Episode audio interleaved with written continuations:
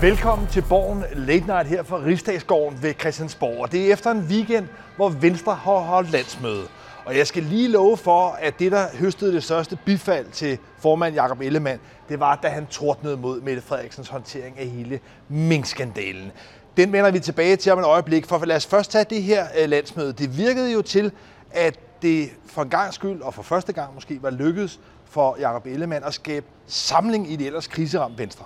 Ja, og det gjorde han jo ved at tale om en sag, som øh, stort set alle liberale, uanset øh, aftapning, øh, kunne se sig selv i, nemlig frihed og frie valg. Øh, det så gælder så ikke barselsregler, skal jeg skynde mig at sige. Det, det er så mere ældre, øh, ældres øh, mad på plejehjem og sådan noget. Der kan man få lov at vælge, men altså barselsregler og barselforældre, det, de skal ikke øh, øh, vælge. Der har man nogle regler for sig. Men det er en helt anden snak.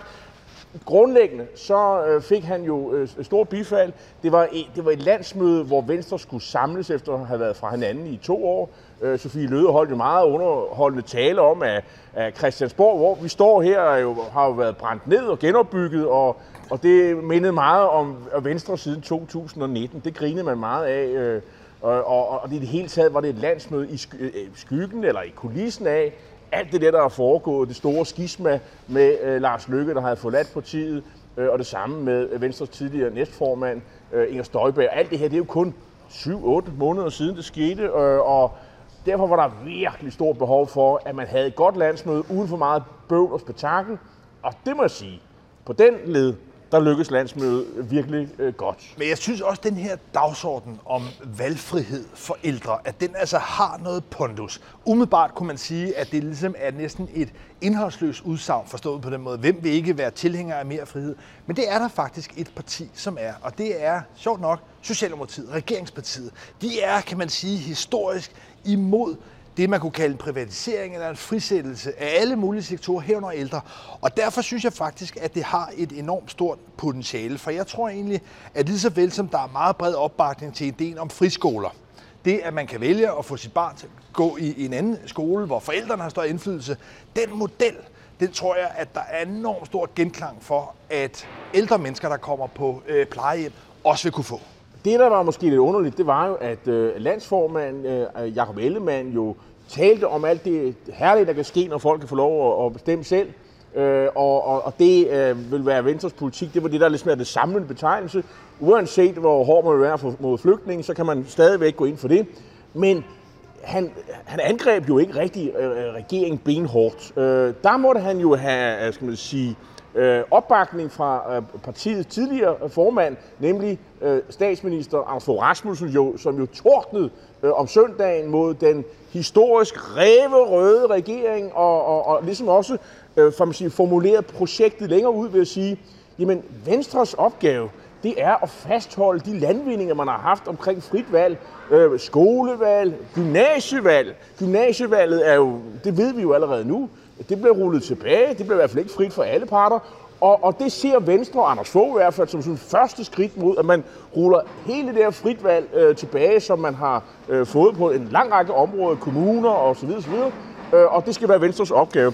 Det, det tror jeg har noget for sig. Men jeg synes du, det havde karakteren af en omvendt sønder. Nu taler du også om, at det var øh, om søndagen, at Anders Fogh fordi han havde to kritikpunkter af Mette Frederiksen. Det ene det var, at det var en ræverød, rød regering, der øslede med pengene. Jeg tror ikke, der er mange økonomer i dag, som vil vurdere, at den politik, som Anders Fogh stod i spidsen for op til finanskrisen, var særlig ansvarlig, særlig fornuftig. Der kan man sige, jo, der over... lærebøgerne skulle skrives ja, op. der overkogte dansk økonomi. Så på den økonomiske front kan man sige, var Anders Fogh selv ansvarlig for noget, der i dag vil blive opfattet uansvarligt. Og så havde han også en anden kritikpunkt, som på en eller anden måde var helt forvirrende at høre fra Anders Fogh. Det var, at Mette Frederiksen var for topstyret og at hun ikke tillod journalister at stille kritiske spørgsmål. Nu arbejdede jeg også herinde øh, i sin tid, og jeg kan lige love for, at hvis der er en statsminister, som vidderligt kan konkurrere med Mette Frederiksen om at være topstyret og detaljstyret, skal... og ikke give plads til kritiske spørgsmål, skal, så er det netop Anders Fogh. Men skal jeg, være, øh, skal jeg være hans defensor, og det vil jo ligge mig fjernt, så vil jeg så sige, at øh, han holdt dog de her sådan, øh, pressemøder øh, ugentligt, Øh, og dem holdt han jo faktisk øh, hele tiden. Og det ser man jo ikke meget til. Altså her forleden dag, da der var øh, åbning selvfølgelig, der stod pressen jo også øh, klar, og den eneste, der kunne få lov til at få et interview, det var hans redder fra TV2, fordi øh, statsministeren skulle skynde sig videre til et stort møde ude i Europa. Øh, der var ikke tid til det, øh, og som Sofie Løde jo bemærkede, jamen det her med folketingsåbning, det har jo sådan set ligget klar. Øh, det står i grundloven, at det skal holdes om tirsdagen, klokken der og der og så videre. Øh, kunne man måske have chartret et privatfly, hvad ved jeg, et eller andet, øh, til at, at, at, at få hende at ved, ved, at hun måske kunne få en halv time ind. Det lykkedes så ikke den her gang, må vi se. Men jeg, jeg, jeg, jeg, jeg, jeg, jeg, vil give dig så meget, som at hvis det er blevet for meget for Anders få, hvis topstyringen, hvis lukketheden er blevet for meget for Anders få, så medgiver så er vi ved at nærme et sted, hvor vi vidderligt har problemer. Men man kan sige, det er, der, altså, der er sikkert også mange, der ikke kan huske, hvordan det var i hans tid. Men under alle omstændigheder, han, han, han stjal jo sådan, sådan lidt billede der om, om søndagen. Øhm, og, og vil sige, nu har han ikke udtalt sig i 10 år om, om, om politik, øh, og landspolitik, indrigspolitik, og det gjorde han så, øh, må man jo lov at sige. Og så var der jo også de her der spøgelser, der spøgede i kulisserne, Inger Støjberg og Lars Lykke.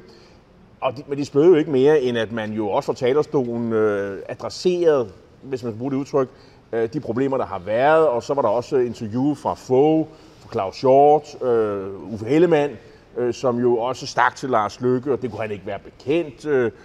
Men der var også en samling omkring Jacob Ellemann. Ja. Uwe, hvad hedder han, Anders Fogh Rasmussen holdt jo med en meget varm tale om, at hvis Venstre skal have fremgang igen, skal være det store parti, som man mener, det skal være. Øh, og, og, og Ellemann selv mente, at han skal være statsminister. Der var jo ikke noget vaklen i, i, hos ham. Han var statsministerkandidat. Det er over hos Søren Pape, at det er lidt mere usikkert om, hvorvidt han er statsministerkandidat. Det var der ikke nogen tvivl om her. Der var Anders Foghs budskab, det var, stå bag formanden, uden diskussion, øh, ellers så går det venstre ilde, og der, der var ikke nogen vaklen der. Og noget af det, der jo også gav Jakob Ellemann Jensen lidt fastere grund at stå på, det var den landbrugsaftale, der blev lavet Absolut. i sidste uge, hvor man jo på den ene side, kan man sige, åbner for, at Jacob Ellemann kan hæve det og være grøn og have et borgerligt klimaprojekt, og samtidig heller ikke tage virkemidler i brug, som skræmmer øh, landbruget. Så det var i virkeligheden jo meget en landbrugsaftale efter øh, Venstres øh, drejebog, og der tror jeg også, at han øh, har, kan man sige, øh, Øh, formået kan man sige, at tæmme den kritik, der er i baglandet af, at han ligesom skulle repræsentere en forvandling mod det radikale venstre. Her er man altså landet på noget, som, som er rodfæstet i traditionelle venstreværdier. Men hvis man skal være en smule kritisk, og det er, vil jo ikke ligge også øh, alt for fjern, så kan man sige, øh, stod folk op på stolen og klappede øh, fuldstændig, som om det var en nordkoreansk øh, kongres og så videre, og i, nu har de endelig set lyset. Øh, ja, det, det, det, det, der var begejstring, fordi der var ro fordi man endelig vil komme videre. Men der er jo stadigvæk en usikkerhed omkring øh, Ellemann. Øh, kan han føre partiet frem til det der, det var engang? Det er det, usikkerheden er. Han kan nok godt holde det her niveau, men kan han blive statsminister? Kan han blive øh, en ny Anders Fogh? Øh, der tror jeg nok, øh, at mange vil sige, det vil, der, der skal ske noget mere. Men der var sådan en generel holdning til, han havde gjort det bedre, han havde udviklet sig. Men lad os nu se. Men han står der i hvert fald øh, og har opbakning i baglandet. Det er ligesom en første betingelse for, at han også ligesom kan forsøge at begynde at bekæmpe regeringen. Og der kan jo ske ting og sager.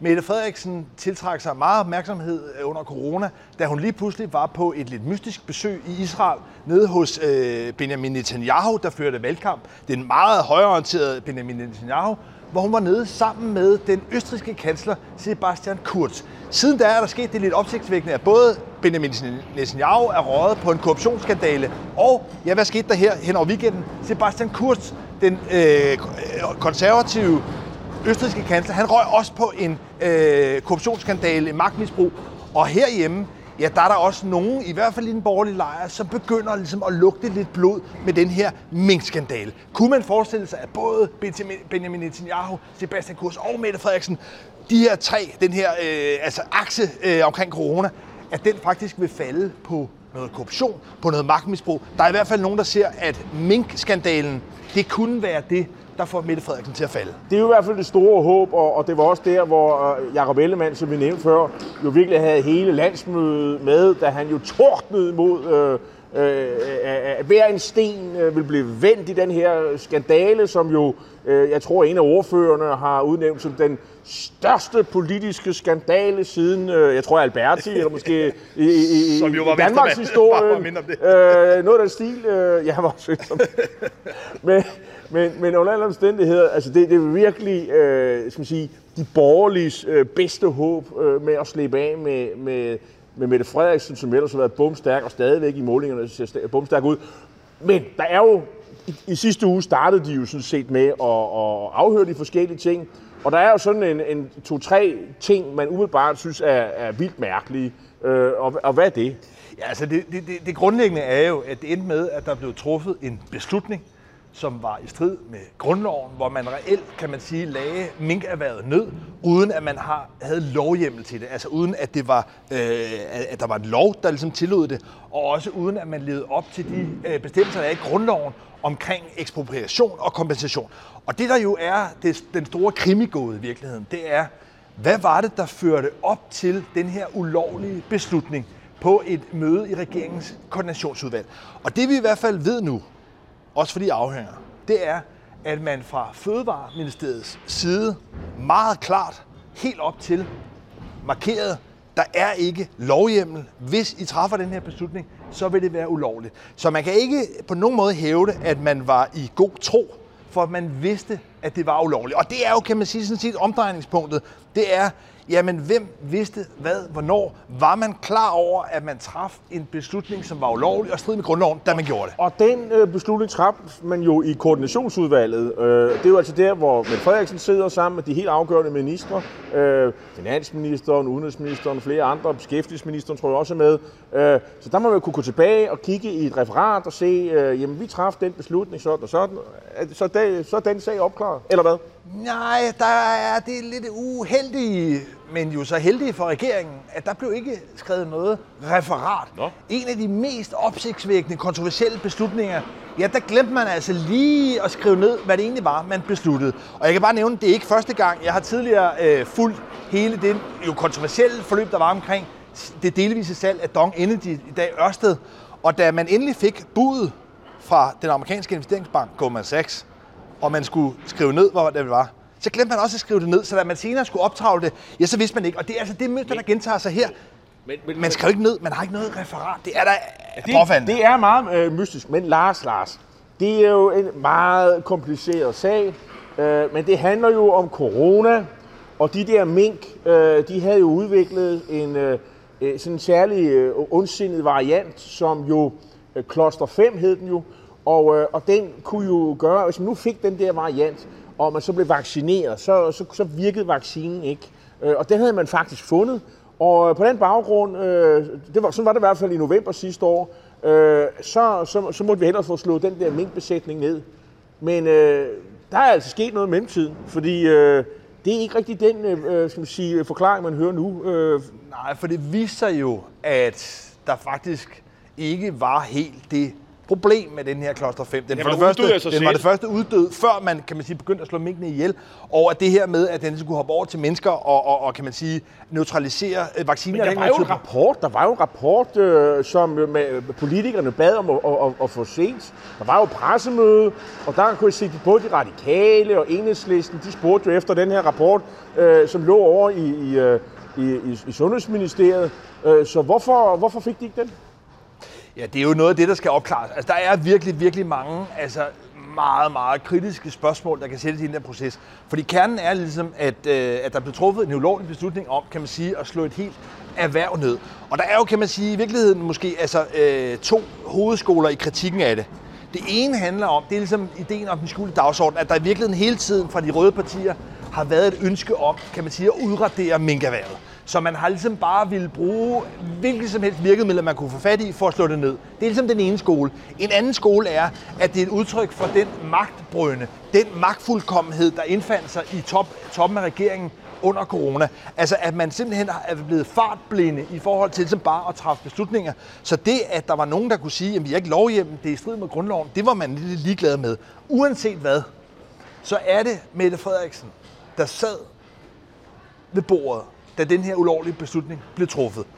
Og jeg må bare sige, at det er jo noget, som Christian Tulsendal og andre også, kan man sige, ligesom har slået på trummen for, at hvis Inger Støjberg skulle sættes for en rigsret for den ulovlige instruks, hun i sin tid gav, og det er hun jo i gang med, ja, så må Mette Frederiksen i sidste instans også bringes for en rigsret. Men den rapport, øh, som øh, man ikke kunne få lov til at se, jamen den, øh, den har som siden vist sig også at være mangelfuld. Det vil sige, det grundlag, der var Øh, på baggrund af, var der sådan, at den her øh, kloster 5, at den rent faktisk kunne medføre, at at, øh, at hvis man fik sygdommen, så var man mindre, så, så, så kunne man ikke, så, så, så hvis man så fik vaccinen, så virkede vaccinen ikke så godt. Det kunne man heller ikke øh, sige, viste der sig så senere. Altså, så det vil sige, det er jo et, et, et kæmpe mysterium, hvilket på hvilket grundlag man rent faktisk har truffet den beslutning. Plus, at da man jo så begynder at sende politiet ud til den enkelte minkavler, så giver man den noget, der hedder et action card. Og det er faktisk ved at være mystisk, hvem der egentlig har lavet de der øh, action card. Vi kan bare få konstatere øh, fra Rigspolitiet, at det er en fejl. Justitsministeriet mener også, det er en fejl. Fordi de action card, hvor man ringer ud til, nu, nu, nu leger du minkavler, og siger, goddag, øh, herr minkavler.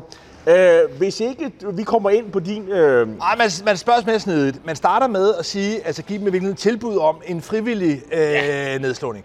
Og det, der som så stod i action card, det var, at hvis øh, minkavlerne ikke gik med til det frivillige, så troede man med, at Så øh, kunne du ikke få erstatning. Så når vi kommer alligevel lige om lidt, så, så skal du ikke regne med at få erstatning. Og det vil sige, at man har muligheden for at, at slæbe de der mennesker ind, eller regne med ikke få erstatning. Og så er valget nok ikke så svært. Og der var faktisk en, øh, et par håndfulde, der i udgangspunktet sagde nej. Pointen er her, at det var ulovligt, og alligevel var det noget, som Rigspolitiet blev sat til. Men den politiske, nej, vi skal lige, den politiske effekt af det her, fordi for mig er der ikke nogen tvivl om, at hvis det havde været en almindelig kriminalsag, hvis det havde været en almindelig anklagemyndighed, så ville Mette Frederiksen stå tilbage med et meget, meget stort problem.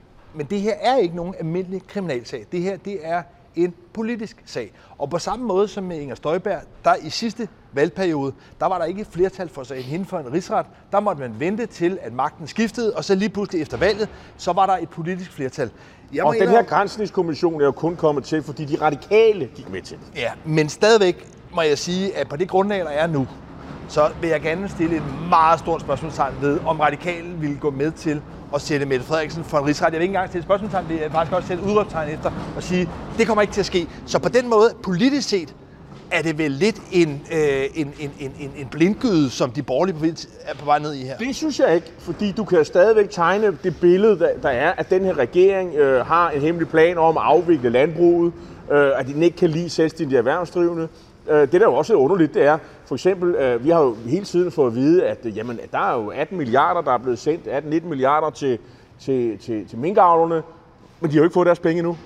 Og øh, det har de jo ikke. Der er ikke nogen af dem, der har fået en krone endnu. Og de skal jo stadigvæk øh, bo på de steder, hvor de, hvor de er, hvis de, hvis de bor på stedet. Og de der minkbuer, de skal jo vedligeholdes osv. Og der er altså snart gået et år, og, og de har ikke set en krone. Og alt det der, det kan der laves enormt meget politik med, og det meget af det er jo personligt øh, rettet mod statsministeren. Der vil være mange, der siger, ja ja, hun træffede en beslutning, hun sagde, hun ville gå fejl. Det her det er åbenlyst en fejl. Øh, skatteyderne har fået lov til at betale for den fejl. Men øh, det var en helt særlig situation, og det må vi bare bære over med. Dem må der være rigtig mange af. Men der vil også være borgere, som ser det som et øh, eksempel på, at øh, den her øh, regering, den, er, øh, den hader erhverv, og den hader særligt de her landbrugserhverv, der finder sted ude i udkants Danmark. Det, det, er, det er sådan set det, der er øh, som sige, det underliggende budskab. Der må man så sige, at den landbrugsaftale, der kom i sidste uge, den kan man sige, altså kan man rive måske lidt, lidt, lidt vissen løv hen over det. Det er måske ikke helt noget, der står helt så klart længere. Men, men, men lad os øh, bare konstatere, at hele den her minkgrænsning, det er altså noget, der er eksklusivt politisk. Det er noget, de borgerlige partier vil forsøge at bruge. Jeg tror parlamentarisk ikke, det kommer til at få så stor effekt i den her øh, valgperiode. Men det er klart, det er noget af det, som i virkeligheden står, står tilbage som Mette Frederiksen måske blødeste punkt, der hvor de på en måde kan og, forsøge at stikke kniven og, og, så er det selvfølgelig også et, et element i den anden fortælling, som man også bygger op, øh, op omkring statsministeren, er, at hun er, øh, som sige, øh, elsker magt øh, og og, at gå ud over sine beføjelser, når det er nødvendigt. Øh, øh, der er også en anden historie i dag, for eksempel, som handler om, at, hvordan hun styrer udenrigsministeren, og han har nærmest ikke noget at skulle have sagt osv. Øh, så der er sådan en generelt for og hun vil ikke stille op, når, når nogen, der vil afkræve magten, øh, spørgsmål. Altså en, en, øh, en, en, en, en øh, altså, statsministeren er altså sådan en, der, der er en, en, en, en magt, øh, bege, be, be, hvad hedder sådan noget, begærlig person, og som man ikke kan tiltro magten øh, til i, i, i længere tid. Lige så vel som oppositionen sin tid øh, gik imod Anders Fogh Rasmussen, det er jo ikke helt umærkeligt, at en opposition prøver på at tegne det billede. Bestemt ikke. Men jeg synes, vi skal slutte af med et af de mest sådan, højspændte politiske forhandlingsforløb, der kører nu. Fordi regeringen fremlagde jo for nogle uger siden et stort, nogen vil sige et lille, men Ej, i hvert fald et reformudspil. mindre reformudspil. Et mindre, lad os kalde det det. Et mindre reformudspil. Som jo blandt andet indeholder det her forslag om at sænke dimittentsatsen, altså den dagpengesats, der er for nyuddannede. Og det er noget, der allerede er Og, ikke, og, og ikke kun det, øh, faktisk også øh, hæve skatten for øh, nogle, der, dem, der har mange aktier. Øh, øh, men Der, der, der, der er en masse forskellige elementer. Det, der er kernen i det, det er, at det er allerede nu ved at rykke over i Finansministeriet. Og hvad er det for nogle konturer, der tegner sig her? Fordi jeg kan konstatere, at to af støttepartierne, Enhedslisten og SF, de er mildest talt ikke voldsomt begejstrede for det her. Så hvad er det ligesom for et politisk spil, der tegner sig i forhold til den her reform? Ja, man kan sige, øh, de her øh, reformudspilsforhandlinger er jo skal man sige, dette års reelle finanslovsforhandlinger. De almindelige finanslovsforhandlinger er kedelige. Øh, der er dramatikken er taget ud af det. Det laver man formentlig med regeringsparlamentariske grundlag. Så det er her, øh, skal man sige, det spændende er. Og, øh, og man vil jo gerne have sådan, øh, lave de der forhandlinger på sådan en måde, at hvis man for eksempel, øh, ligesom med, med dimittensatsen, altså man, man sænker pengene fra de, for, for, for de her øh, øh, nyuddannede, og så kan man bruge pengene til at hæve øh, øh, hvad skal man sige, øh, dagpengene øh, de første tre måneder. Øh, så man siger, pengene skal, der skal være en fortælling om, hvem der skal modtage pengene. Hvis du spørger Venstre, så vil de sige, at vi vil også gerne sænke dimittentsatsen. Men de pengene, de skal bruges til klima. Øh, så prøver regeringen jo at, at, at, at lave, som siger, så har vi nogle forhandlinger i Beskæftigelsesministeriet, Skatteministeriet øh, og, og, og i Erhvervsministeriet, og til sidst så skal det øh, ende over i, i, øh, i, øh, i Finansministeriet. Det jeg hører nu, det er, at man allerede i denne uge begynder at forhandle i Finansministeriet. Øh, men der er altså mange forskellige små elementer. Øh, formentlig har det hele tiden været planen for regeringen, at man vil lave nogle delaftaler. Man vil ligesom prøve på at, at lave noget med enhedslisten og SF og de radikale, og så vil man lave noget med, med Venstre Konservative. Ja, det er der Men om, om den plan kommer til at holde, det får vi jo se. Og det, der på en eller anden måde er det sjove, fascinerende ved det her, det er, at mange af elementerne i den her nye reform er i virkeligheden en kompensation for Arne-reformen. Med Arne-reformen, ja, der har man trukket, hvad der svarer til cirka 10.000 ud i arbejdsudbud. Det har man så lovet i forståelsespapiret til Radikal, at det skal man så finde andre steder. Det er det, man så blandt andet vil gøre ved den her dimittentsats. Og det paradoxale parlamentariske er, at hvor man lavede Arne-reformen sammen med de røde partier og Dansk Folkeparti, så er der meget, der kan tyde på, at man i virkeligheden vil lave den aftale, der om man så må sige skal betale, eller i hvert fald kompensere for Arne-reformen med de andre partier. Det vil sige Radikale, Venstre og Konservativ. Så det her er jo et billede på, hvordan det i hvert fald hidtil er lykkedes for Mette Frederiksen. Og i virkeligheden altså få nogen til at betale, andre til at bruge pengene, og i virkeligheden kan man sige, spille partierne ud mod hinanden. Noget, jeg synes, der er værd at bemærke her, det er, at man har i hvert fald trukket et ellers meget højkontroversielt emne ud. For man stod også over for at skulle forhandle om en ydelseskommission. Eller altså, der har været en ydelseskommission, som har kommet med nogle forslag til en omlægning af kontanthjælp. Det er et af kravene fra Enhedslisten og fra øh, SF. Og hvad er der sket med Det er det? en rød linje. Det er en rød linje, men hvad er der sket med det? Ja, Peter Hummelgaard, beskæftigelsesminister, han er gået på forældreoverlov. Og derfor, Nu? Med, nu her? Ja, Nå, Og derfor- Men er det, var det ikke det her efterår, at øh, den øh, ydelseskommission, øh, ligesom, øh, eller øh, altså, reformen ligesom skulle laves? Øh, jo, men det kan man desværre ikke, han er jo på forældreoverlov. så det vil sige, at de er altså skudt til januar, eller hvad? Det må, man, øh, det, det må man forstå. Så i hvert fald kan man sige, at i den her dynamik, ja, der har man i hvert fald formået så at udrangere, altså køre et af de ellers sværeste forhandlingsspor lidt ud på sidelinjen, for så at koncentrere sig om det Men, her men, men reform. jeg ikke forstår, Lars, øh, hvor- hvorfor accepterer enhedslisten det? Jamen altså, det er et, et, et, et, et urspørgsmål, man kan stille i det her forløb. Hvorfor accepterer enhedslisten snart sagt hvad som helst? De gik også med i landbrugsforhandlingerne. Jeg tror, man skal se øh, enhedslisten som egentlig et klassisk øh, støtteparti. Altså, de ønsker, at Mette Frederiksen skal være ved magten, og at de øh, forsøger at få det bedste ud af det. I dag i Berlingske, der er der også en, øh, en interessant historie, der også skiller de borgerlige øh, ved det, at øh, blandt andet Liberal Alliance øh, tordner mod, at, at, at, at Venstre er klar til at forhandle om en forhøjelse af, af dagpenge, øh, øh, dagpengesatserne de første tre måneder, og kalder det en hån mod de 200.000 mennesker, som øh, i dag øh, har en lavere løn end, end dagpengesatsen. Øh, den dagpengesats, der er, jeg tror det er nu.